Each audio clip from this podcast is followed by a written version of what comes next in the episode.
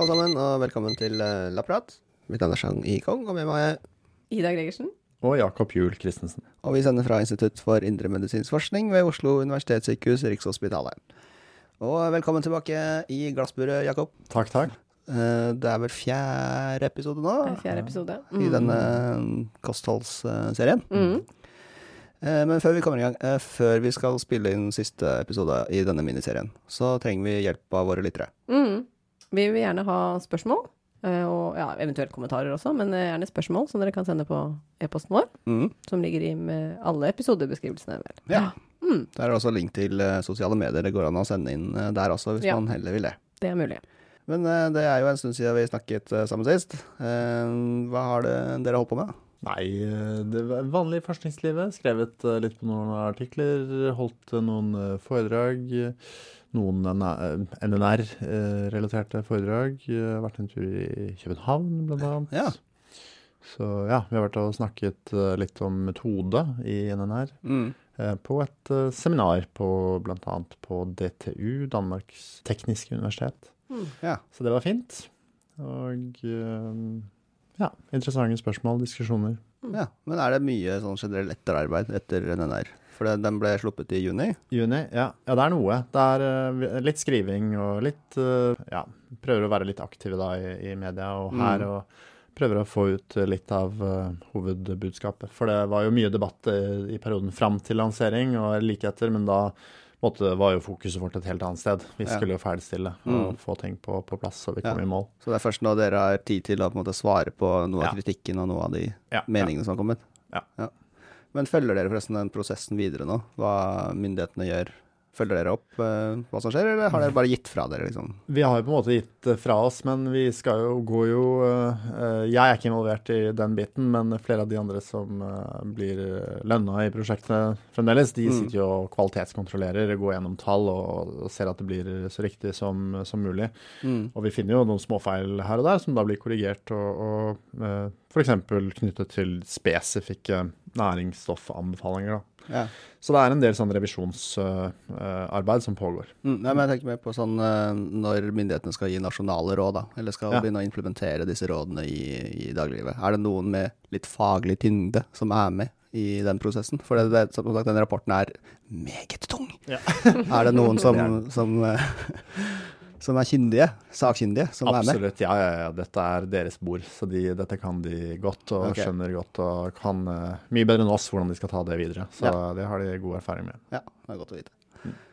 Og hva med deg, da? Hva er, eh, hva er på agendaen om dagen? Jo, nei, det er jo litt sånn som Jakob sier, det er litt av hvert. Skriver på litt artikler, driver og planlegger litt forsøk på laben. Det er ganske lenge siden jeg har vært der. Mm.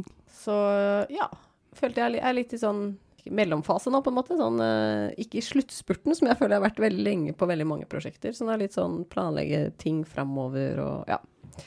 Tenke litt på hva som skal være fokuset framover. Mm. Jeg må innrømme, selv har jeg vært i en sånn eh, liten sånn NNR-boble når vi driver og spiller inn disse. Ja, det rundt også, da. Ja, Ja. Jeg går rundt liksom og tenker på, på ting, og så merker jeg på meg sjøl at jeg i noen av de spørsmålene jeg har stilt i, tidligere i serien, så har jeg heller ikke jeg forstått fullt ut hva NNR egentlig går ut på. Mm. Så det er veldig deilig å måte, Mm. ha disse samtalene i studio, da. Ja, så bra. Men har du, føler du at du liksom blir mer mer mer bevisst, men liksom tenker du mer på liksom, hva du spiser og sånne type ting? Når du er liksom litt inne i den verden? Nei, det er mer på det nivået at jeg kanskje bevisst eller ubevisst eh, tar med en uh, ekstra pakke fisk, eller Ja, jeg har byttet, Hjemme hos oss så har vi bytta ut uh, storfekjøttdeig med kyllingkjøttdeig til bolognesen. Nettopp. Ja, ja. Og så vet jeg at Jakob har sagt at vi ikke skal eh, øke mengde hvitt kjøtt, selv om man kutter i rødt kjøtt. Nei. Men der eh, må jeg bare rette en liten sånn kritisk pekefinger og si at uh, det er av klimamessige årsaker at man ikke burde øke det. Så er den utbyttingen fortsatt gunstig for klima. Mm. Så det er eh, gunstig for helse, fordi rødt kjøtt eh, var eh, dårlig. Mm. Hvitt kjøtt er nøytralt. Mm. Så den utbyttingen er helsemessig bra. Mm. Samtidig så er den litt bedre for klimaet også, selv om NNR anbefaler at jeg skal gå helt til null da, på bra. ja. Da tror jeg du, Chang, har klart det kunststykket å tilpasse det ditt eget liv, og Absolutt. rette deg etter eh, ja, din livsstil og Ja, jeg prøver i hvert dine fall. egne. Ja, men jeg, vei, jeg veier ikke maten. Bare så det Nei. Ja. nei, det tror jeg er like greit. ut. Men før vi kommer til eh, dagens tema, så har jeg et uh, annet lite oppfølgingsspørsmål til selve rapporten. Mm. Uh, vi har jo, Nå snakker vi om f.eks. kjøtt igjen, da, siden vi var inne på det. Så var det da 350 gram rødt kjøtt som var satt som øvre grense. Mm. Men hva med andre sånne næringsstoffer og sånne ting, for det er veldig detaljert denne rapporten. Disse, grens, disse tallene som er i rapporten, er det øvre grense for alle eh, disse næringsstoffene, eller er det anbefalt inntak, eller, og er det noen nedre grense for noen ting? Mm. Um, vi, vi, vi gir eh, verdier tilsvarende gjennomsnittlig behov i en populasjon, og anbefalt inntak. Da. Dette er ment å dekke ca. halvparten av behovet til halvparten av populasjonen, og nesten hele populasjonen. Og så gir vi også det vi kaller upper level intake, som er en øvre grense for enkelte næringsstoffer. Og da kan du si at disse forskjellige tallene de er ment å dekke eh, en slags eh, safe range of intake, da, et trygt inntaksnivå. Eh, vi gir veldig sjeldent ut eh, eh, Eller vi har ikke gitt ut eh, lower level intake. Så det er liksom minimalt inntak, kan du si, fordi det gir ikke så mye mening. Det vi er mer interessert i, er å vite hvordan vi kan planlegge for at populasjonen skal ha så god helse som mulig med tanke på inntak av næringsstoffer, behov for enkeltnæringsstoffer, og at man kan planlegge kostholdet deretter. Um, så vi gir et gjennomsnittlig behov, anbefalt inntak, eller recommended intake, og så disse upper level intake. Da. Og da, da får man en sånn safe range of intake. Kan du gi oss et eksempel på en, et næringsstoff det, der dette gjelder for? F.eks. Uh, salt da, i form av natrium, eh, og den ligger da på ca. 2,3 gram. Så eh, vi bør ikke få i oss mer enn 2,3 gram per eh, natrium per, Mm. per dag. Uh, og gjerne mindre enn det også. Og vi setter en sånn, det vi kaller en adequate intake på 1,5 gram natrium per dag. Så da har du en trygg grense mellom 1,5 og uh, 2,3 gram per dag, da, som, uh, som man kan ligge innafor. Og det vil omtrent tilsvare en halvering av saltinntaket for de fleste i Norge i dag. Ja. Så, så ja, det er et eksempel. Mm. Så i rapporten så får man ikke vite hva som er eh, nedre grense, da. F.eks. at eh, populasjonen må over denne grensa for å være frisk. For det, det vil jo kanskje gi insentiv til noen til å legge seg så tett innpå den som mulig, hvis det er eh, Ja, kanskje. Ja. Nei, vi gir i hvert fall ikke råd om det. Men det er noe man kunne gitt uh, råd om, f.eks. i en krisesituasjon hvis det var veldig lite mat tilgjengelig, eller, eller, eller sånne ting. Men selv da så ville du nok fått populasjonen til å nærme seg det vi kaller et gjennomsnittlig, gjennomsnittlig behov, da, eller average requirement. Um, sånn at uh, uh, ja, gjennomsnittlig inntak lå rundt gjennomsnittlig behov. Det er det man helst vil, vil sikte seg inn på. Da. mm. Og, og da altså ikke overstige disse ekstremverdiene for øvre inntaksnivå. Det er kanskje på sin plass å nevne igjen at uh, vi skal kanskje ikke forholde oss til disse tallene sånn i det daglige. Nei, enig. enig. La myndighetene oversette det til noe vi kan bruke no, Mm. noe mer praktisk. Ja. En annen ting, eh, Jakob, du nevnte også i første episode av denne serien, Mm. at dere også har sett på sånn måltidsmønstre. Ja. Gir dere råd om, om det? Måltidsmønster har vi vurdert, men vi har kommet fram til at det skal vi ikke gi råd eh, om. Ja, for da snakker vi om hvor ofte man spiser, når man spiser, eh, om man faster og sånne ting. Riktig. Så det, når vi har sett på litteraturen på meal pattern, da, så har vi sett på hvor hyppig man spiser, når på døgnet man spiser, dette med snacking og Mm. også intermittent fasting. Mm. Timing av måltider, rett og slett. Når man gjør en endring i kostholdet, f.eks. å endre når på tidspunkt, tidspunkt på døgnet man spiser, og hvor mange måltider man spiser om dagen, så vil man helt spontant veldig ofte gå ned i vekt. Mm. Og det skyldes at man er mer oppmerksom på kostholdet. Man gjør en innsats for å holde fokus på det. Så man får en spontan vektnedgang, eller normalisering av vekta. Mm. Hvis man kanskje jevnt over var på vei opp i vekt. Og det vil jo føre til at man får en gunstig helseeffekt bare av Mm. vektendringen. Og det er jo ikke noe nytt. ikke sant? Det har vært velkjent fra mange tiår med forskning. At det er gunstig å gå litt ned i vekt Mm. for mange, og det er gunstig å unngå en ugunstig vektoppgang hvis, eh, hvis det skjer. Så det vi har vært særlig opptatt av, har vært de studiene som har sett på isokaloriske forhold, dvs. Si at de holder en stabil vekt. Mm. Inntar det energiinntaket, de energibehovet de har, og som holder en stabil vekt. Og under isokaloriske forhold så ser man ingen effekt av å endre måltidsrytme når på døgnet man spiser, faste regimer osv. Nei. Så det man eh, Det som har blitt eh, fortalt at, om eh, spising på natta, f.eks. nattarbeidere og sånn, at de har dårligere helse, Mm. det skyldes andre faktorer enn når på døgnet de spiser. Det kan selvfølgelig hende det er et signal eh, der, men basert på de dataene vi har tilgjengelig, så kan vi ikke konkludere med det. Mm. Men eh, det betyr ikke at man ikke burde forske videre. Selvfølgelig, Nattarbeidere og andre er jo en litt utsatt yrkesgruppe, så det syns jeg absolutt man skal fokusere på. Um, og det kan jo hende at kroppen altså Det er logisk å tenke seg at kroppen er mer tilrettelagt for å spise på dagtid, og at det å være våken om natten og innta store mengder energi metabolsk er litt eh, eh, mer ugunstig. Mm. Men vi må jo ha evidens uh, som viser at det faktisk er ugunstig også, før vi kan gi gode råd om det. Ja. Det betyr jo ikke at folk ikke kan passe ekstra på med et sunt kosthold om natten. Det kan man selvfølgelig hvis man jobber på nattstid. Men uh, vi gir i hvert fall ikke noe råd om det. Mm. Altså, Mhm. det finnes jo mye studier som viser at eh, nattarbeidere har dårligere metabolisme, økt eh, risiko for livsstilssykdommer osv. Mm. Men siden dere ikke har tatt det med, så Mm. betyr det at eh, disse studiene ikke har passert en eller annen kvalitetssjekk dere har, har lagt til grunn. da. At den, disse systematiske samlingsstudiene ikke holder god nok kvalitet.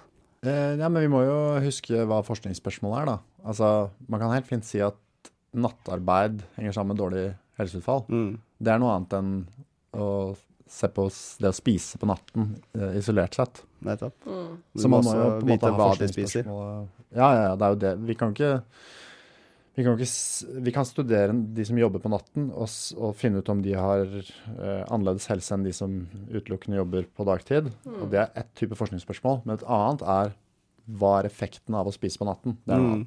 Mm. Så vi må bare ha tunga rett i munnen på, på det, da. Mm. Men det vi jo sier, som er uh, for å kontre litt Vi er jo egentlig ganske positivt budskap når det kommer til måltidsrytme.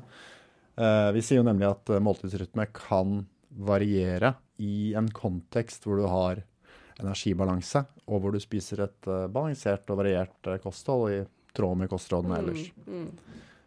Og så, Det nevner jo ikke vi, men jeg syns det er et godt poeng du er inne på at dersom du er i en situasjon der du har litt høyere risiko for sykdom, f.eks. nattarbeidssituasjoner eller skiftarbeid, eh, så kan det være ekstra nyttig å prøve å følge kostrådene.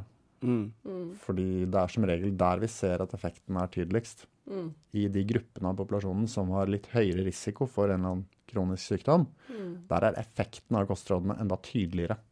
Mm. Så det er vel kanskje den vinklinga jeg vil Mm. eh, ta det på, da. Det, Jakob, det er veldig fint å ha deg her til å oppklare sånne spontane ting jeg lurer på. Ja, ja, ja, veldig bra. Ja. Men eh, da er vi kanskje klare til å hoppe inn i dagens tema. Mm. For her skal vi ta for oss noen uh, godsaker. Mm. For vi skal snakke om uh, drikkevarer. Og uh, nå må det jo nevnes, Jakob, at du er jo vår kaffeekspert. Ja, Ja. Eh, er kaffe med i kostholdsrådene?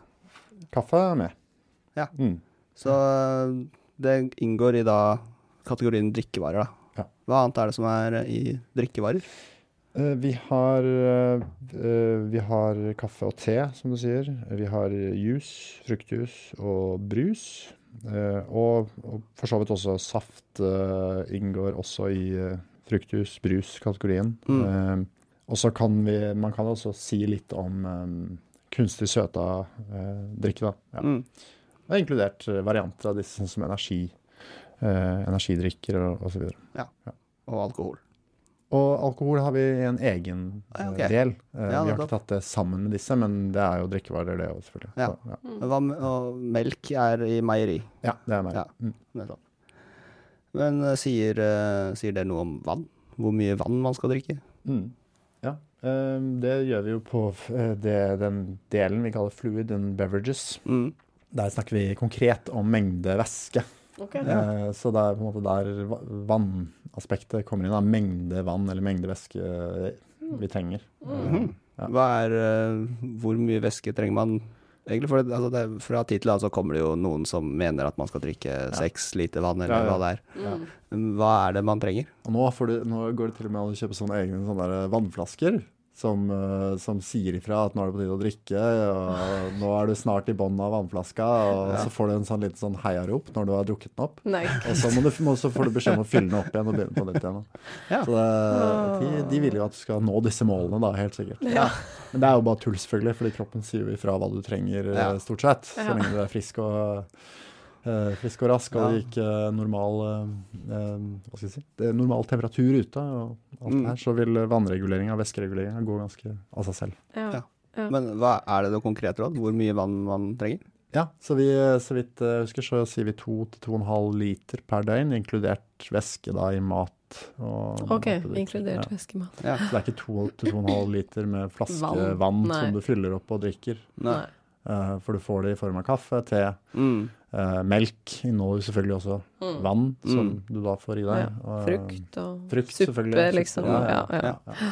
Er forresten klima og miljø da tatt med i mengde vann man drikker? For det er jo en eh, sånn klimating. Uh, ja, altså ikke i vann per se.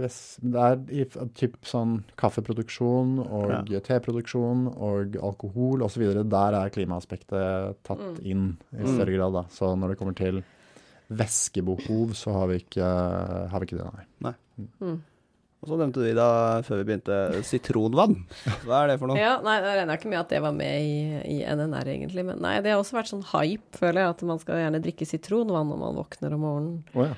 Bare om morgenen? eh, ja, i hvert fall da, liksom. At det skal liksom sette i gang eh, fordøyelsen eller noe sånt. Oh, ja. Men eh, Så, ja, det er sikkert veldig godt. Ja, det er sikkert veldig Høres godt, veldig fin, eh, ja, som en fin start på morgen, da. dagen, det. Ja, ja, ja. Men øh, ja, det er, og det støtter, støtter jo det. Sikkert det er en fin start, å- start på dagen, men noe særlig effekt på helse, det tror jeg kanskje ikke jeg har hørt noe om. Nei, det, det tror jeg også stemmer.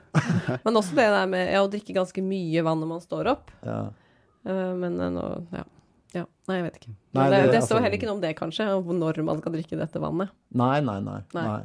Altså, så lenge man har veldig normale nyrefunksjon, og at kroppen Ja. klarer å regulere osmolaliteten i blodet i kroppen, og Mm. sånn, så tror jeg tidspunkt for væskeinntak ordner seg skjer mer eller mindre naturlig. Ja. Vi har en hjerne som styrer sånne ting. Ja, Som Ja, ja. eh, sier fra når vi trenger vann og så videre. Ja, ja, ja. Den funker fortsatt. ja, det er det. Hos de fleste. Og hvis du har, hos de fleste, ja. Og hvis du har eh, en normal, eh, et normalt forhold til mat, og at du faktisk spiser måltider Mm, nokså jevnlig, så faller det seg også naturlig å innta da væske med maten, ja. med mat. Og, ja, ja. Mm. Nettopp. Vi skal snakke litt om alkohol, for vi har puttet den i, i denne episoden, selv om det er en egen kategori i eh, kostholdsrådene. Mm. Eh, Der sier jo NNR at vi ikke skal innta noe alkohol. Og Mm. det er det jo mange som har blitt eh, veldig, veldig bekymret for. Å nei! Men hva er bakgrunnen for at eh, anbefalingen nå er eh, null og niks? Det er jo basert på helse utelukkende.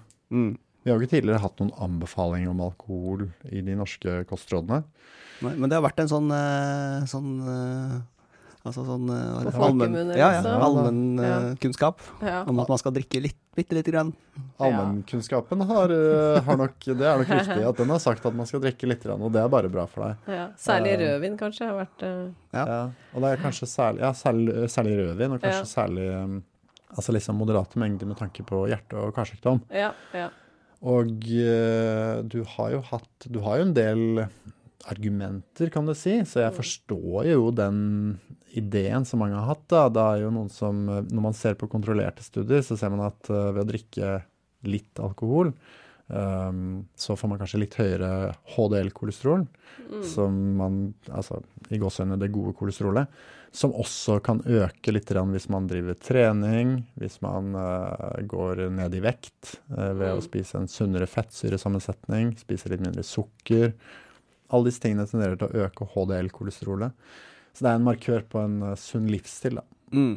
mer eller mindre. Og uh, det å drikke rødvin en gang iblant er jo kanskje også en markør også på en uh, sunn livsstil. At uh, man jevnt over har kanskje litt høyere utdanning og god råd til å kjøpe vin, og, og drikker det i moderate mengder. Mm. Så det å rapportere at du drikker moderate mengder alkohol, Mm. er nok en markør også på en sunn livsstil og, og god god sosioøkonomisk status, da. Mm. Ja, at du har et sosialt liv, kanskje. Sosialt liv, Ja. ikke sant. Ja, det er mange grunner til at det å drikke litt, Mm. eh, i i hvert fall har vært tenkt å være litt bedre enn å ikke drikke noen ting. Mm.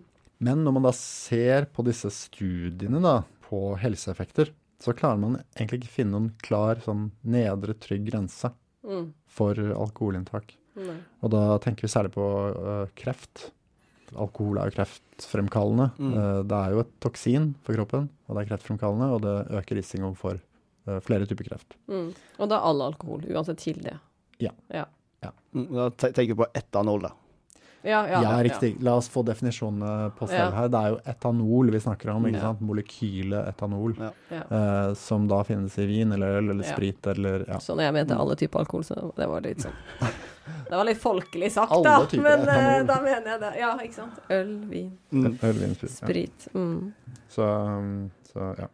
Men vi drikker jo Vi er jo et uh, folkeslag som er glad i alkohol. Da. Vi drikker jo uh, jevnt over en del. Um, I våre nordiske land så ligger vi et sted mellom 0,7 og 5,3 energiprosent. Uh, som kanskje ikke er så lett å oversette, men uh, Mm. Det, det er i hvert fall en, en, en viss mengde, da. Ja, Um, Opptil 5 av energien vi får i oss. ja, Ja, det er jo ganske mye, da. ja, fra alkohol. Mm. For det, det, må, det, må vi huske på. Det er jo en del energi i Ja. eh, Mm. alkohol. Mm. Um, hvis vi skal sammenligne med karbohydrater og protein og fett, kan jeg si at uh, karbohydrater og protein det er 4 kilokalorier per gram uh, karbohydrat eller protein. Mm. Uh, fett har 9 kilokalorier per gram eh, fett, mens alkohol har 7 kilokalorier. Så det ligger imellom der et sted, da. Mm. Så um, Det er betydelig, Nesten som å mengde. drikke fett, liksom. Uh, ja, ikke sant. Så er, det, så er det på en måte Det er jo ikke 100% alkohol, selvfølgelig. Det er en Nei. viss prosentandel i Ja. drikken eh, Ja. som er eller etanol, da. Ja. Uh, så det er jo ikke Men uh, det er jo en betydelig andel. Og det går jo som regel i Henger jo sammen med kostholdet ellers, ikke sant. Så Mm. det er jo ikke nødvendigvis sånn at man bøtter ned på med bare alkohol, men Mm. det går i, hånd i hånd med et litt mer usunt kostholdsmønster, da, ofte. Ja. Mm. Men får man ikke i seg noe andre næringsstoffer fra, fra alkoholholdig drikke? Type øl ble jo kalt Ja. for flytende brød før i tida. Ja, sant det. ja det var jo det er, det er jo en del karbohydrater også, så Mm. du får jo i deg en del uh, energi uh, derfra. Ja. Uh, og noen hevder jo at det er mye B-vitaminer. Mm. Eh, har jo vært en sånn saying, det også. Men eh, så er det samtidig sånn at eh, alkohol det øker voldsomt forbruket av B-vitaminer i Ja, kroppen. Så jeg tror at vi ikke skal eh, legge så voldsom vekt på det eventuelle tilførselen av B-vitaminer vi Mm. får fra Vinninga går opp i spinninga. Ja, det går nok opp. Ja. Ja. Ja. Så det er ingen på en måte Ikke noe gevinst helsemessig fra å drikke alkohol. Det vil jeg ikke si. Nei, Nei. det er ikke det. Mm, Men det betyr ikke at man trenger å kutte det helt ut, hvis man uh, føler behov for å gå ut på byen og ta et glass med gode venner. Det er jo som alt annet her i livet. Man må gjøre en kost-nytte-vurdering. eh, Se, se på risikoen og veie det opp mot nytten av det. Og så vil de fleste i Norge iallfall komme fram til at det er det verdt. Mm. Eh, Den sjansen for å få kreft i spiserør eller hvor enn, det, det tar jeg når den tid kommer. Men, eh, men ja. Ja, Det er selvfølgelig rom for, for noe alkohol. Det, det, på populasjonsnivå så er det noe vi ønsker å redusere. Mm. Helst eh, betraktelig. Og som sagt, det er ingen trygg nedre grense. Og en ting er helseeffekten på kreft og mortalitet og hypertensjon og hjerte-karsykdom osv. Men noe annet er jo selvfølgelig Og lever. Leversykdommer, ikke Mm. minst. Mm. Og, og kreft i leveren og problemer knyttet til lever, forskjellige leversykdommer. Men også alt problemer knyttet til akutte skader, sykehusinnleggelser, eh, eh, hvordan familier kan ødelegges av overforbruk av alkohol. Men eh, Mm. dette skjer ikke nødvendigvis på et normalt, moderat, lavt inntak. inntak ikke sant? Det Mm. skjer jo gjerne med større, Mm. større, høyere inntak og hyppig plutselig inntak, altså binge drinking. Mm. Mm. Så um, Men det er, ja, det er jo et viktig signal, da, på en måte. Ikke sant? Det Det er er, det, liksom ja, et statement om at dette er ingenting man kan si altså, ha noe helsemessig gevinst for å drive med, riktig. egentlig. Ja. Mm. Og derfor kan dere heller ikke anbefale det. Selv om, ja. selv om noen føler at eh, for det mentale så er det veldig viktig. Ja. Men det er en vurdering man må gjøre sjøl. Mm. Ja, og eh, det er jo mange Mange vil også kunne finne glede av å gjøre andre ting i livet enn å drikke store mengder alkohol. Og man kan helt fint um, gjøre en risikovurdering der og finne noe annet man heller kan uh, gjøre for å få mye av den samme effekten. Men ikke kjenn på skammen. Det er aldri noe vits. Nei. Nei, det er jeg helt enig i. Men eh, jeg syns igjen kommer tilbake til det at jeg syns vi kan stille krav til våre politikere om å lage gode samfunn, designe gode samfunn der det er lagt til rette for å klare å følge kostrådene, da. Så jeg tenker stille krav til de nyvalgte politikerne våre, det er, det er veien å gå. Mm. Men noe annet vi drikker ganske mye her til lands. Kaffe. Ja. Og te og koffeinholdige drikker, f.eks. Mm. Hva, hva sier kostrådene om det? Vi, vi, har jo, vi har jo for, altså forskjellige drikker med koffein, da, hvis vi tar utgangspunkt i det. Kaffe, te, som du sier, men også energidrikker og, og brus og den type ting. Så hvis vi kun ser på koffeininnholdet, så kan man også sette grenseverdier basert på koffeininnholdet. Da. Og det er særlig relevant for barn og, og eh, gravide og den, den typen grupper som har mindre kropp, og som da ikke tåler så mye koffein. Mm. For eksempel så, så, ser man typisk ugunstige effekter av koffein fra ca. 400 mg per dag. Da. Eh, så grenseverdien for barn er jo da 3 mg per kilo kroppsvekt per, per dag. Og den kan man raskt stige over, ikke sant. Ja. Syns du det var teknisk, sjøl? Ja, det var uh, For uh, hvis man skal oversette det til uh, et glass med cola, f.eks. Hvor mye glass cola vil det tilsvare? Barn drikker? Nei, det har jeg ikke regna på, men poenget er at du kan raskt overstige grenseverdiene her, da. Ja. Og for et barn, det kan jeg også legge til, for et barn som gjerne ikke skal ha, eller veldig lite sukker, tilsatt sukker i kostholdet, mm. så vil jo valget ofte falle på type Pepsi Max da, eller, mm. eller en kunstig søta brus. og med barn så skal man også være veldig forsiktig med grenseverdiene for kunstig søtning, som raskt kan overstiges. Mm. Så du lander vel egentlig på at det er best å unngå dette helt for, øh, for særlig barn. Da. Både med tanke på koffein, men også andre søtningsmidler og tilsetningsstoffer. Ja. Men eh, det var jo når vi så på det fra koffeinperspektivet. Mm. Vi kan jo også se på helseeffektene av eh, f.eks. kaffe i seg selv. Mm. Og da, som vi har snakka om tidligere, så ser man jo at et moderat inntak ser ut til å henge sammen med lavere risiko for særlig noen typer kreft. Men vi vet jo at uh, det kommer veldig an på kaffebearbeidingen. Uh, så ufiltrert mm. kaffe det inneholder noen fettstoffer som øker nivået av LDL-kolesterol i blodet, som, som, er en kausal risikofaktor for å utvikle åreforkalkning og hjertesykdom. Mm. Og ufiltrert kaffe vil jo da være altså alt lages i en kaffemaskin, stort sett? Ja, ja. ja, Men hvis du tar det til det ekstreme, så kan du si kokekaffe. Mm. er på en måte den mest ufiltrerte. Hvor du mm. får, eller alle er ufiltrerte, men da får du mest av disse fettstoffene over i kaffen som du faktisk ja. drikker. Mm. Uh, tilsvarende med presskannekaffe. Ja. Der kan det være noe filtrering av noen av fettstoffene, mm. men det er fremdeles noe fettstoffer som du får i deg. Alle disse kapselmaskinene som du finner på kontorer i det ganske land, vil uh, stort sett ikke ha filtre, og du kan få i deg en god del mm. fettstoffer, mm. osv. Så, ja. så filter et papirfilter med vanlig Pamukamaster, det, det, er, det, er, det er det safe bet. da. Mm. Mm. Og sånn instant frysetørka, og, ja, det, det, er vel det beste? De er kjempefine, de også. Mm. De bare smaker skikkelig ræva. Ja. Det er jo ikke så farlig, nei. det er ikke så farlig. Ja. Nei da. Nei, da, men det er jo veldig fint mm. å, å vite. Eller, ja. For da du var her da vi spilte inn kaffeepisoden, Jakob, og for de av dere som ikke har hørt den, eh, gjør gjerne Anbefales. det. Anbefales på det sterkeste.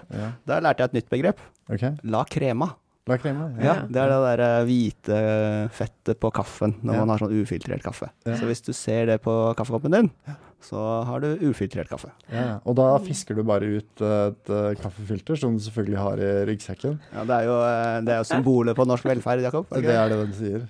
Så, det, det, så det, kan du da gjøre, da. Ja. Vi har jo fått sånn kaffemaskin nå, vet du. Så nå, sånn at du bare trykker på en knapp, og så knærne den bønner og sånn. Og jeg tenker liksom litt Jeg tenker på deg når jeg har litt for mange av de koppene der. Veldig bra. Jeg er jo ja. veldig glad i kaffe òg, vet du. Ja, men da må du legge en sånn batch med kaffefiltre, og så ja. kan du bare dytte det nedi, og så da har du den.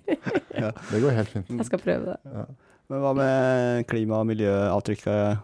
Av inntak av kaffe og koffein og sånne ting. Det er jo et kjempeaspekt, fordi når mm. du ser på eh, kaffe og koffein, så Eller det har et veldig høyt klimafottrykk, da. Mm. Og det viktigste er selvfølgelig at vi i Norden vi drikker veldig mye kaffe. Mm. Uh, så det er det totale konsumet vårt som drar avtrykket, kan du si. da. Mm.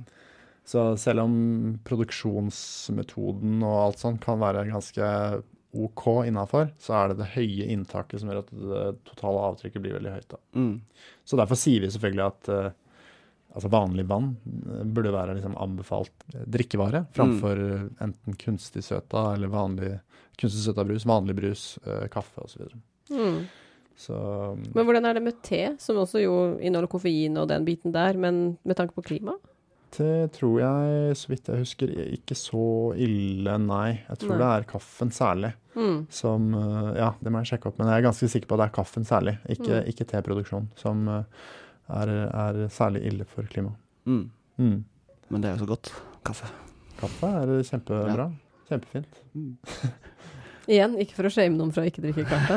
Det er bare opplysning. Hva Mm. sier forskningen? Ja. Ja. Men frysetørra kaffe, det er, det, det er ikke noe godt. Jeg kan synes det er litt godt innimellom, for det minner meg litt sånn om sånn lesesal, eller eh, Da kan jeg få litt Det er sånn sånn nostalgisk. Ja, så litt da, sånn som student ja, hadde ikke sånn. råd til kaffemaskin. Måtte ha sånn frysetørra dritt. Ja, ja, ja. Du kopp kobla det til et Ja, godt minne. slett. Rett og slett. Da Ja, syns jeg det kan ha gått godt med, for all del. Nei, jeg er veldig egentlig Jeg syns filterkaffe er det aller beste. Ja, det er.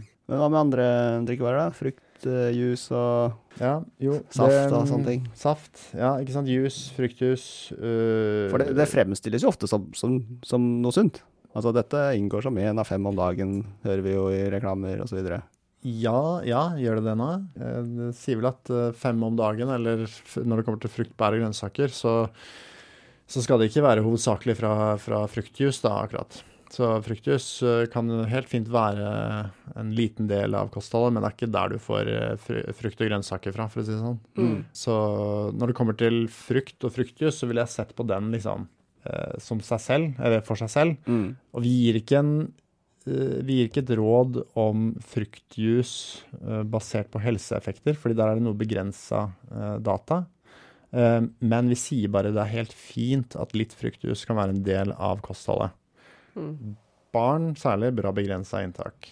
Mm. Og det vi tenker særlig på her, det er tilførsel av um, for mye energi, da, kan man si. Mm.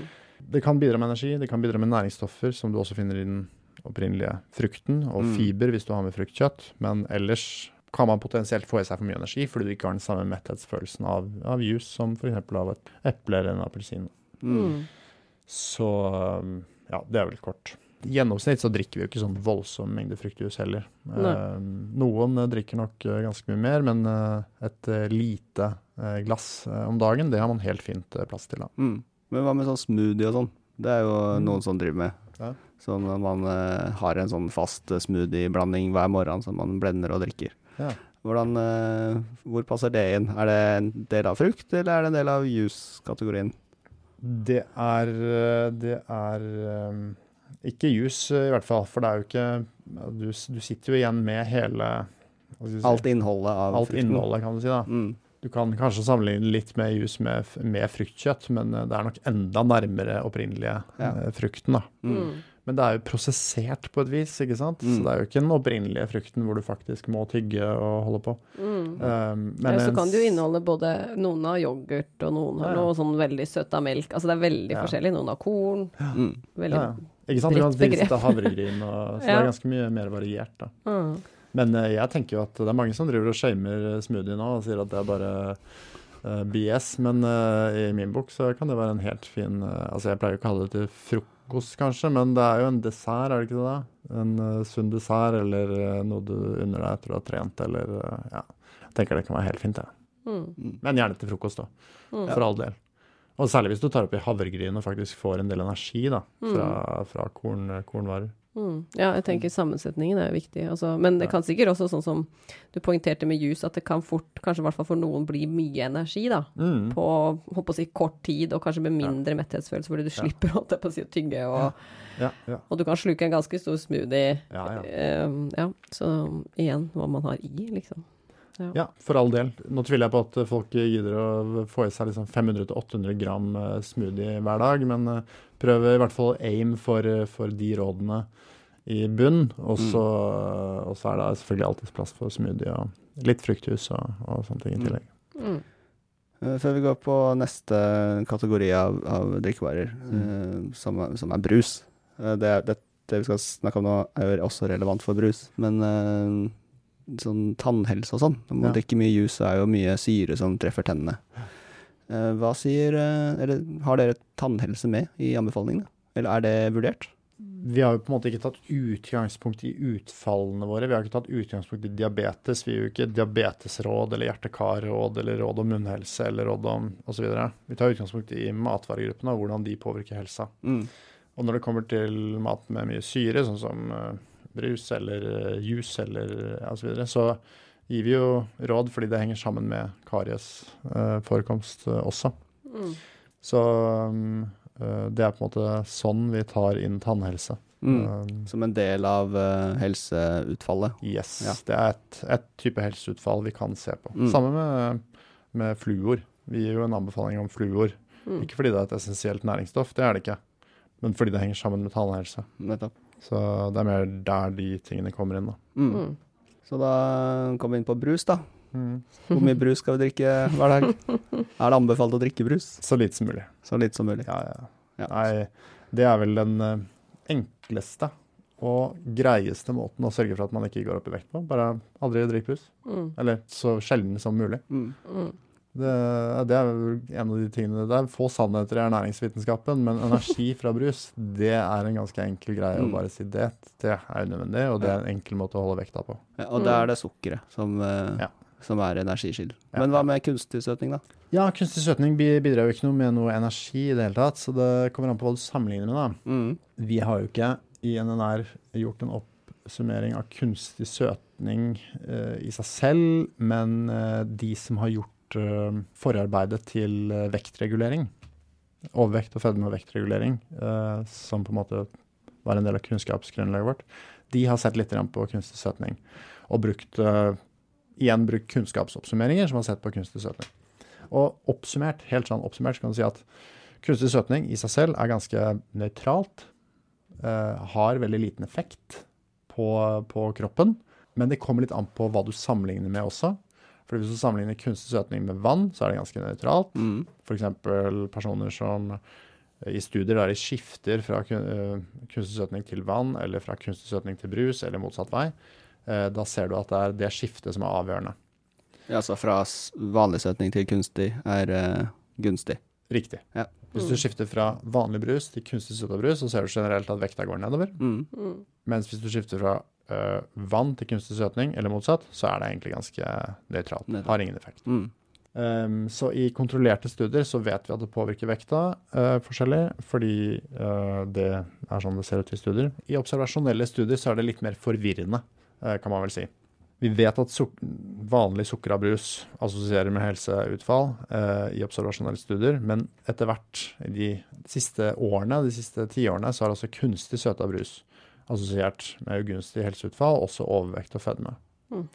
Men eh, konsensus der er at eh, det er en såkalt eh, rever, det er rever- revers kausalitet eh, og konfundering. Så veldig mange av de som drikker mye kunstig søta brus, Mm. er typisk personer som sliter med overvekt og fedme, Mm. og som man ikke klarer å ta fullstendig høyde for. Mm.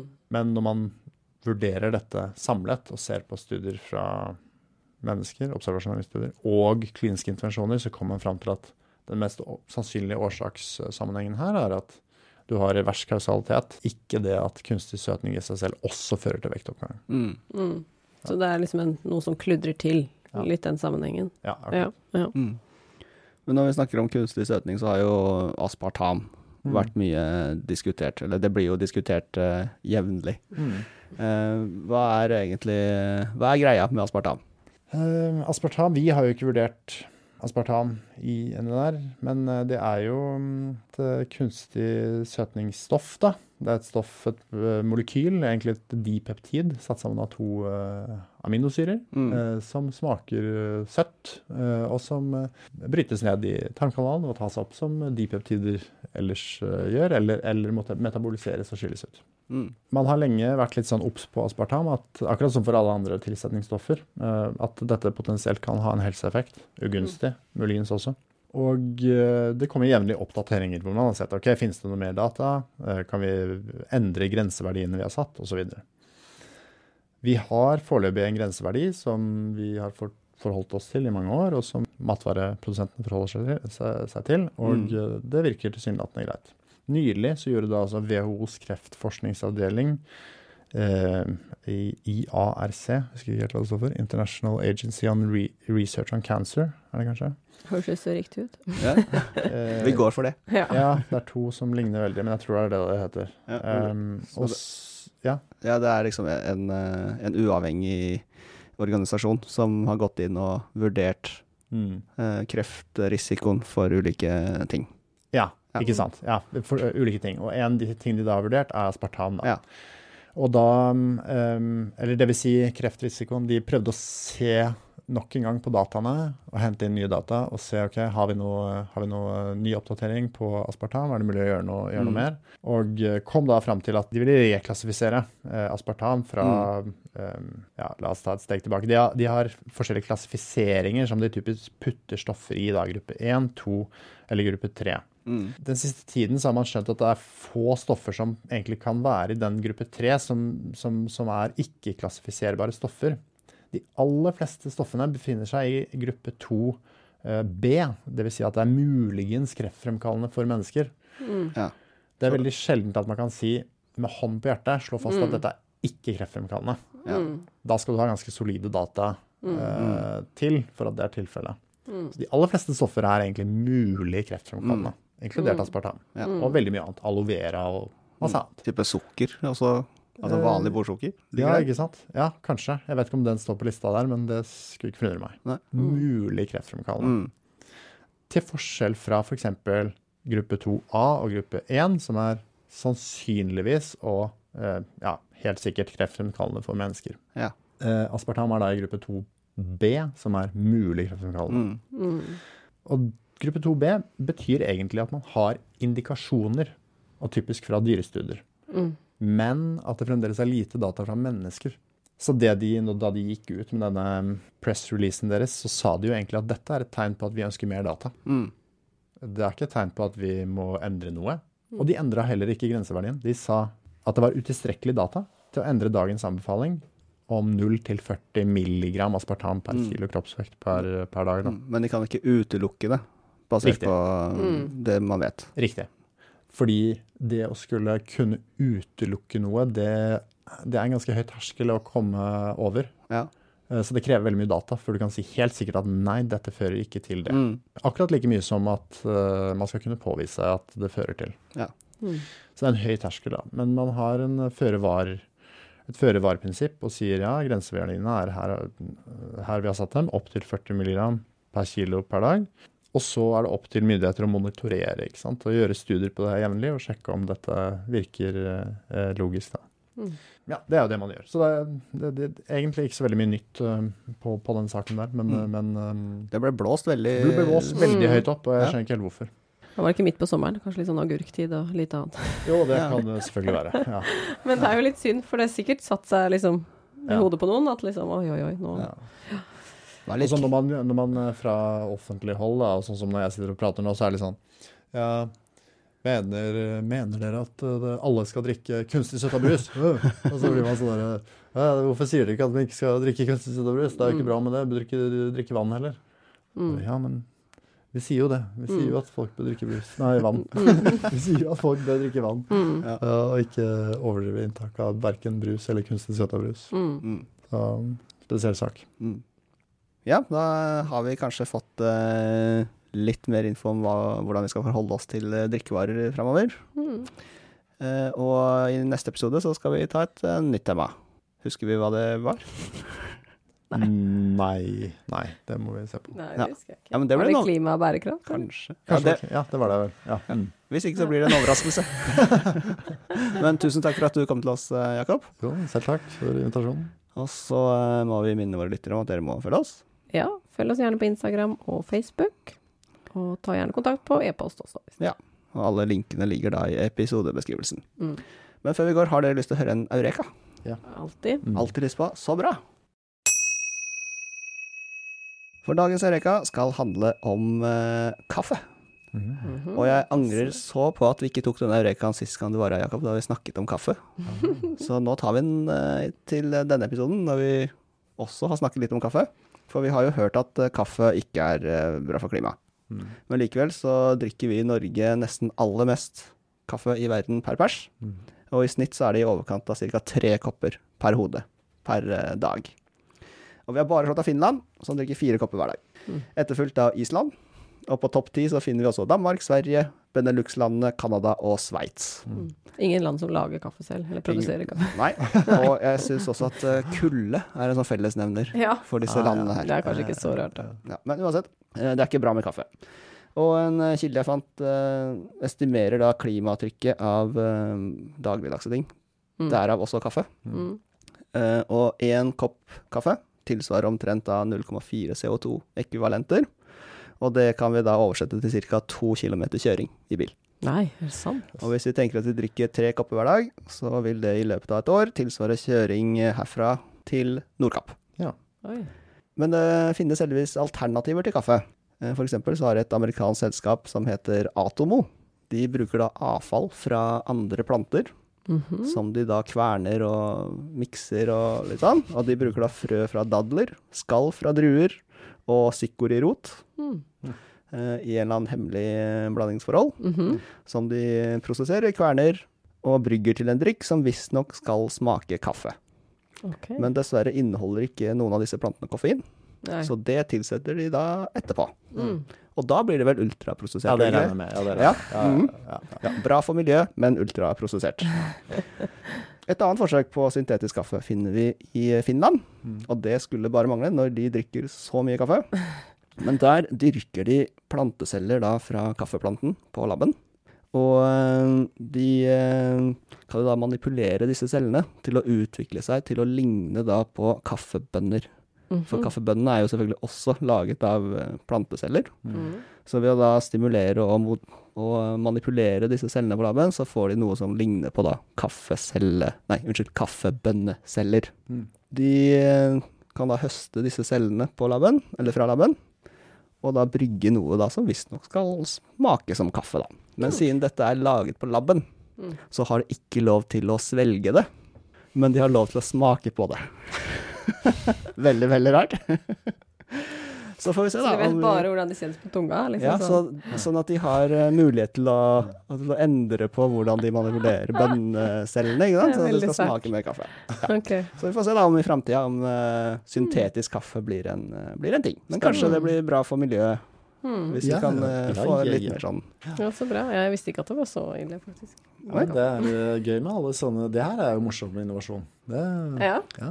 Kunstig vært kaffe. kult, det. Ja, Ikke kunstig kaffe, men uh, labdyrket kaffe. Vi snakket jo om labdyrket kjøtt uh, for noen episoder Ja, siden. ja, så jeg hadde gjerne prøvd, eh, gjerne prøvd det. Ja, så alle ting som drar i, Ja, ja, drar i riktig retning her, føler jeg liksom vi må bare være åpne for ja, ja. at vi kan eh, Ja. Mm. Men enn så lenge får vi nøye oss med kaffe fra filtermaskinen.